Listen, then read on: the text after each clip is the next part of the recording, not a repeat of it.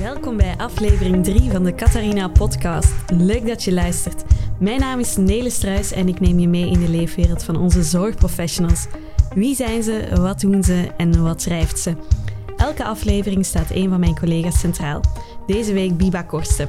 Zij zit in het derde leerjaar van de opleiding verpleegkunde en is Catharina Spoorder. Welkom Biba in onze studio. Dank u. Het Catharina Ziekenhuis biedt een ziekenhuisspoor aan HBO- en MBO-studenten. Biba, kan jij onze luisteraars even meenemen wat dat precies inhoudt? Jazeker. Het Catharina Spoor houdt eigenlijk in dat je de laatste twee jaar gegarandeerd bent van een stage binnen het Catharina Ziekenhuis.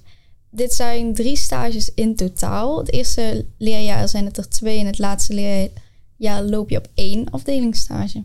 En naast de stage krijg je ook masterclasses van verschillende afdelingen. Oké, en kan je eens een voorbeeld geven van zo'n masterclass? Um, de, ja, de masterclasses gaan echt over hele diverse uh, afdelingen. Zo hebben we chirurgie, uh, interne, de dialyse. Ja, eigenlijk komen de meeste komen wel aan bod. Ja, en vooral ook het complexe stukje dan, complexe zorg. Ja, ook. Ja, inderdaad. Oké. Okay. En op welke afdelingen heb je tot op heden al stage gelopen in ons ziekenhuis? Gedurende mijn hele stage heb ik in het tweede leerjaar, toen ik nog niet het spoor deed, op de chirurgie gestaan. Tijdens de eerste golf van corona. Dus ja, ik heb op cohort gestaan. Mm -hmm. uh, en sinds dit jaar mijn eerste deel van het Catharina spoor op de nierdialyse. En nu sta ik op de kinderafdeling. Oké, en bevalt het jou? Ja, zeker. Ik vind het heel, heel tof. Oké, en weet je ook al welke stageafdeling je volgend jaar gaat doen of is dat nog niet bekend? Nee, dat is nog niet bekend. We mogen wel inderdaad een voorkeur aangeven, maar een specifieke voorkeur heb ik nog niet. Oké, nou, dan heb je nog, gelukkig nog wel wat tijd om daarover na te denken. Hè? Ja, dat klopt.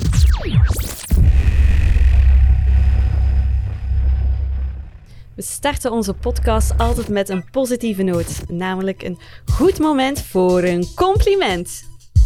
Biba, hier komt uh, jouw compliment. We hebben een speciale compliment voor jou uh, opgenomen. Hier komt die van jou. Als praktijkopleider wil ik graag een compliment geven aan Biba Korsten. Zij kwam als derdejaars HBOV-student bij mij op de dialyseafdeling stage lopen. Voor ons als afdeling was het alweer erg lang geleden dat we een HBOV-student gehad hebben. En Biba die kon daar goed mee omgaan. Ze nam uh, prima haar regie over haar eigen leerproces, zodat wij ook weer even erin konden komen. De situatie van een dialysepatiënt kan snel veranderen en Biba bleef hier steeds erg alert op. Biba had een proactieve houding, stelde zich positief kritisch en nieuwsgierig op en was een enthousiaste student. Ja, Biba, dat zijn oh. mooie woorden. Ja, oh. Wat doet dat met jou? Ja, dat laat me wel stralen. Ja, ik krijg een beetje ja, precies. Ja, mensen kunnen het nu niet zien, onze luisteraars, maar ze zit hier inderdaad met een smile tot achter haar ogen, oren. Had ik niet verwacht. Ja, dit compliment komt natuurlijk van jouw vorige praktijkopleider, van ja. Karin van de dialyseafdeling. Elke afdeling heeft een eigen adviseur opleiding en ontwikkeling. Um, wat is de rol van deze adviseur opleiding en ontwikkeling tijdens het Katrina-spoor en, en hoe ervaar jij die begeleiding?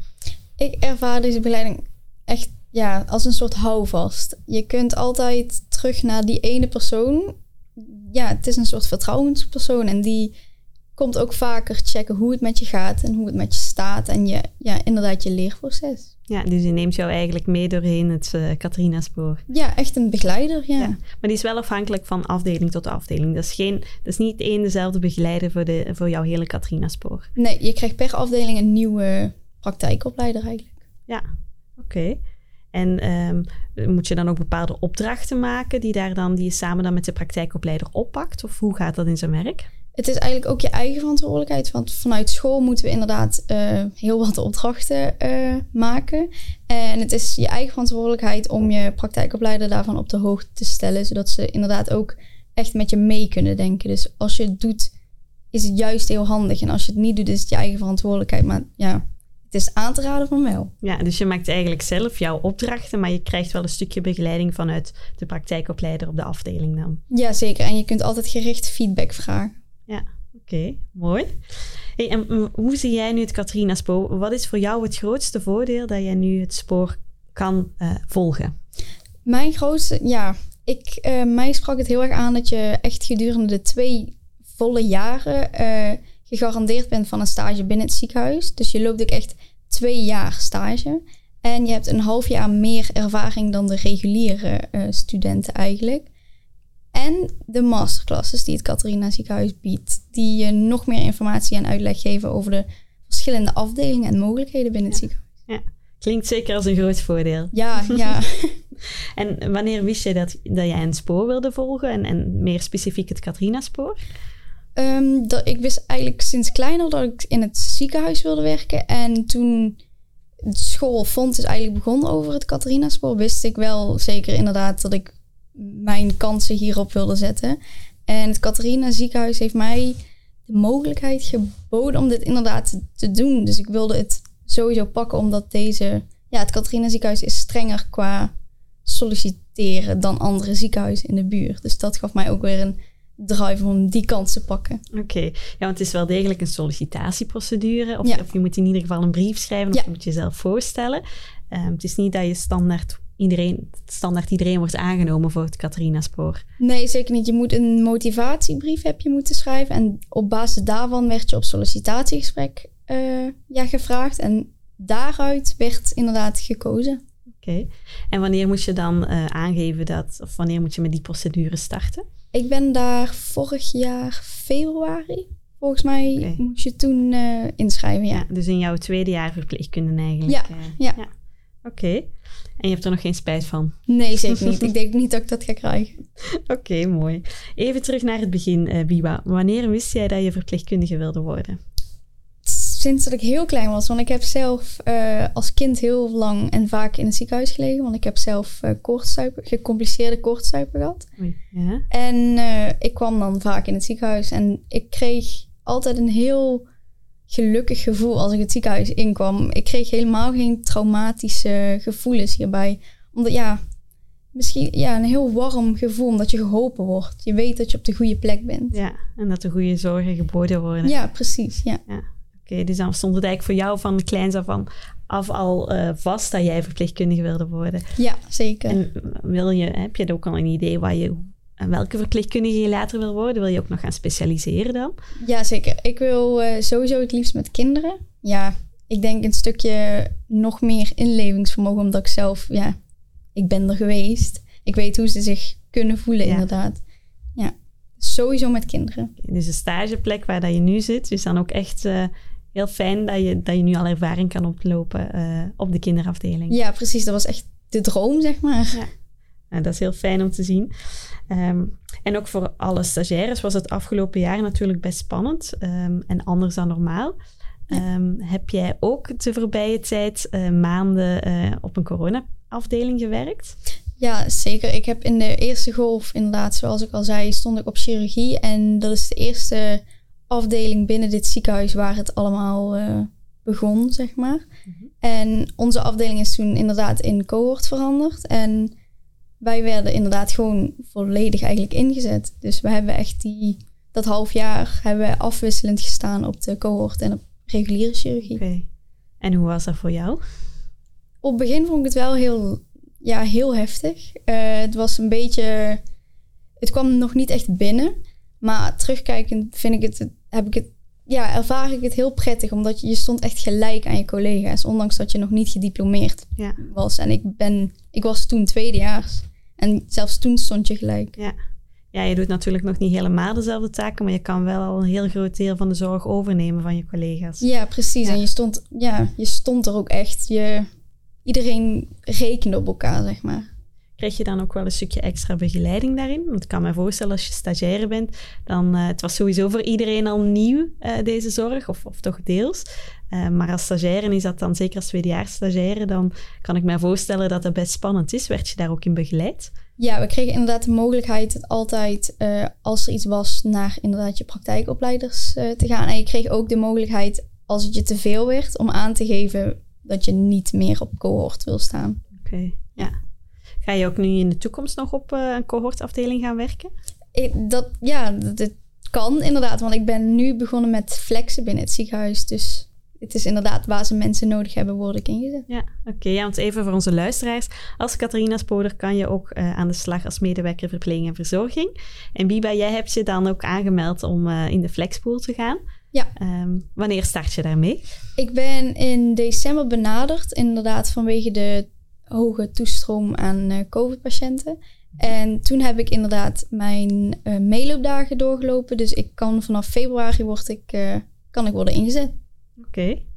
Uh, vind je dat spannend ook? Of is dat voor jou eigenlijk een beetje hetzelfde als een stagiaire plek? Mm, ik vind het niet per se spannend. Ik vind het heel leuk. Ik heb er vooral veel zin in. Ja. ja dat zie ik ook aan jou. Het is weer tijd voor ons dilemma van vandaag. Uh, wij houden elke gast uh, een dilemma voor, dat we ook aan onze volgers op social media voorleggen. Um, en voor jou hebben wij het volgende dilemma. Een baan met ontwikkelingsmogelijkheden of een baan vlak bij huis? Wat kies jij? Ik denk, het is, het is een lastig hoor, maar ik denk met uh, ontwikkel. Ja, waar je jezelf in kan ontwikkelen. Ja. En waarom is dat voor jou zo belangrijk? Ik denk dat als je weet waar je passie ligt en je weet dat je het leuk gaat hebben en waar je hart ligt, dat, ja, dat je dan je werk veel meer kan, als werk, niet per se als werk kan zien, maar als passie. Mm -hmm. ja. ja. en dan maakt het voor jou dan niet uit uh, of je elke dag een half uur moet uh, naar jouw werk rijden? Of... Nee, ik denk nee. Nee, ik woon nu ook best wel, uh, moet ik een stuk rijden. Dus dat wist ik ook van tevoren en dat heb ik er ook voor over. Ja, dus voor jou is ontwikkeling gewoon heel erg belangrijk. Ja, zeker. Ja. Oké, ja, we zijn natuurlijk een opleidingsziekenhuis. Um, hoe zie jij dat terug in Katrina Spoor? De, ja, als allereerst al die masterclasses. Mm Het is heel speciaal dat het wordt geboden eigenlijk, want het hoeft niet. Dus bij andere ziekenhuizen weet ik dat het niet wordt geboden. En inderdaad, de begeleiding die je hier aangeboden krijgt. Want het is niet alleen de praktijkopleider, je hebt ook nog, nog een praktijkopleider die dan over het hele Katrina-spoor. Dus die zit twee jaar, heb je diegene. Mhm. Je hebt vanuit school heb je inderdaad nog een uh, begeleider. En per afdeling dan nog, nog één praktijkopleider en twee stagebegeleiders. Mastersbegeleiding dus. ja, je wordt heel goed begeleid. Oké, ja. En wordt er bijvoorbeeld, word je ook al betrokken op een bepaalde afdeling waar je dan nu stage loopt, met bijvoorbeeld werkgroepen um, en eventueel daar opleidingsmogelijkheden? Ja, bijvoorbeeld een uh, project wat loopt, wat EBP gericht is, dan kun je echt, er wordt ook gevraagd of je daar interesses in hebt en dan mag je daarin meedenken. Oké, ja, leuk. Ja. en als we dan kijken naar de voorbije periode, waar ben jij het meeste trots op? Ik denk toch op mijn doorzettingsvermogen. Ja. En is dat dan specifiek het voorbije jaar geweest, ook met corona, of hebben we het dan over uh, jouw opleiding? Ik denk ook in het algemeen, want ik was eerst, ik wist dat ik het Catharina-spoor wilde doen, maar ik kreeg, ik had heel erg het gevoel van, oh, wat als ik niet word toegelaten, ga ik dat, hoe ga ik daarmee om? En toen heeft mijn moeder me toch wel uh, ingeschrokken van, Biba, je wil het zo graag, je moet het echt gewoon doen. Dus ik heb het gedaan. En inderdaad, dat stukje dan afgerond. En dan die hele corona-periode. En ja, nu, je staat er nog steeds. Ja, ja. ja. het is een uh, hele uitdaging geweest, hè? Ja, dat klopt. Ja. Maar wel goed, daar leer je ook gewoon wel heel, heel veel dingen van, denk ik, hè? Ja, precies. En ik heb het ook echt niet als onprettig ervaren. Ja. Oké, en waar heb jij nu het meest van geleerd tijdens jouw Catharina-spoor? Is er zo één ding waar je aan denkt? Ik denk toch uh, het open-minded blijven. Want ja, een polyafdeling zoals de nierdialyse werd dan als eerste uh, dit jaar weer ingezet. En ik was een beetje huiverig, omdat ik dacht, ja, verpleegafdelingen zijn toch wel heel anders. En ik ben het gewend, dus wat, waar liggen de mogelijkheden, wat mag ik doen? Mm -hmm. En ik, mag, ik, ja, ik mocht heel veel doen. Veel Zoals? meer dan, ja, um, ik mocht dan bijvoorbeeld geen shunts aanprikken bij nierdialyse patiënten, maar ik mocht bijvoorbeeld wel een lijn aansluiten aan de dialyse. Okay, ja, dat is best wel uh, ja, het is voorbehouden ja. handelingen. Ja. ja. wel onder toezicht hoor. Maar. Ja, ja, ja, uiteraard. Maar uh, ja, wel fijn dat ze ook die kans willen geven, lijkt mij. Ja, precies. Want in het begin hebben we de mogelijkheden doorbesproken van wat mag ik en wat mag ik niet. En we zijn daar overheen gestapt als het ware. We hebben veel meer, zijn we achtergekomen van oh, maar dit kan ook en dit kan ook. Dus ja, ja. leuk. En als, er zijn nu waarschijnlijk studenten aan het luisteren. Heb jij nog een tip voor iedereen die op dit moment student verpleegkunde is of wil starten met de opleiding? echt doe het. je moet het echt doen. Als je hart ook maar een beetje in de zorg ligt, uh, raad ik het iedereen aan om te doen. En vooral het Catharina-spoor, als je weet dat je in het ziekenhuis wil werken, maar je weet nog niet welke afdeling, is dit een hele goede manier en kans die je kunt pakken om er toch op deze manier achter te komen. Ja, mooi. Heel mooie tip. Heel erg bedankt, Bima, dat jij bij ons in de podcast aanwezig wilde zijn. Graag gedaan. Ik onthoud vooral, ga ervoor en uh, stel doelen en dan uh, bereik je die ook wel weer. Ja, precies. Gewoon doen. nou, fijn dat je erbij was en graag tot een volgende keer. Heb je opmerkingen of suggesties? Mail dan naar podcast.catharinaziekenhuis.nl Tot de volgende. Salut!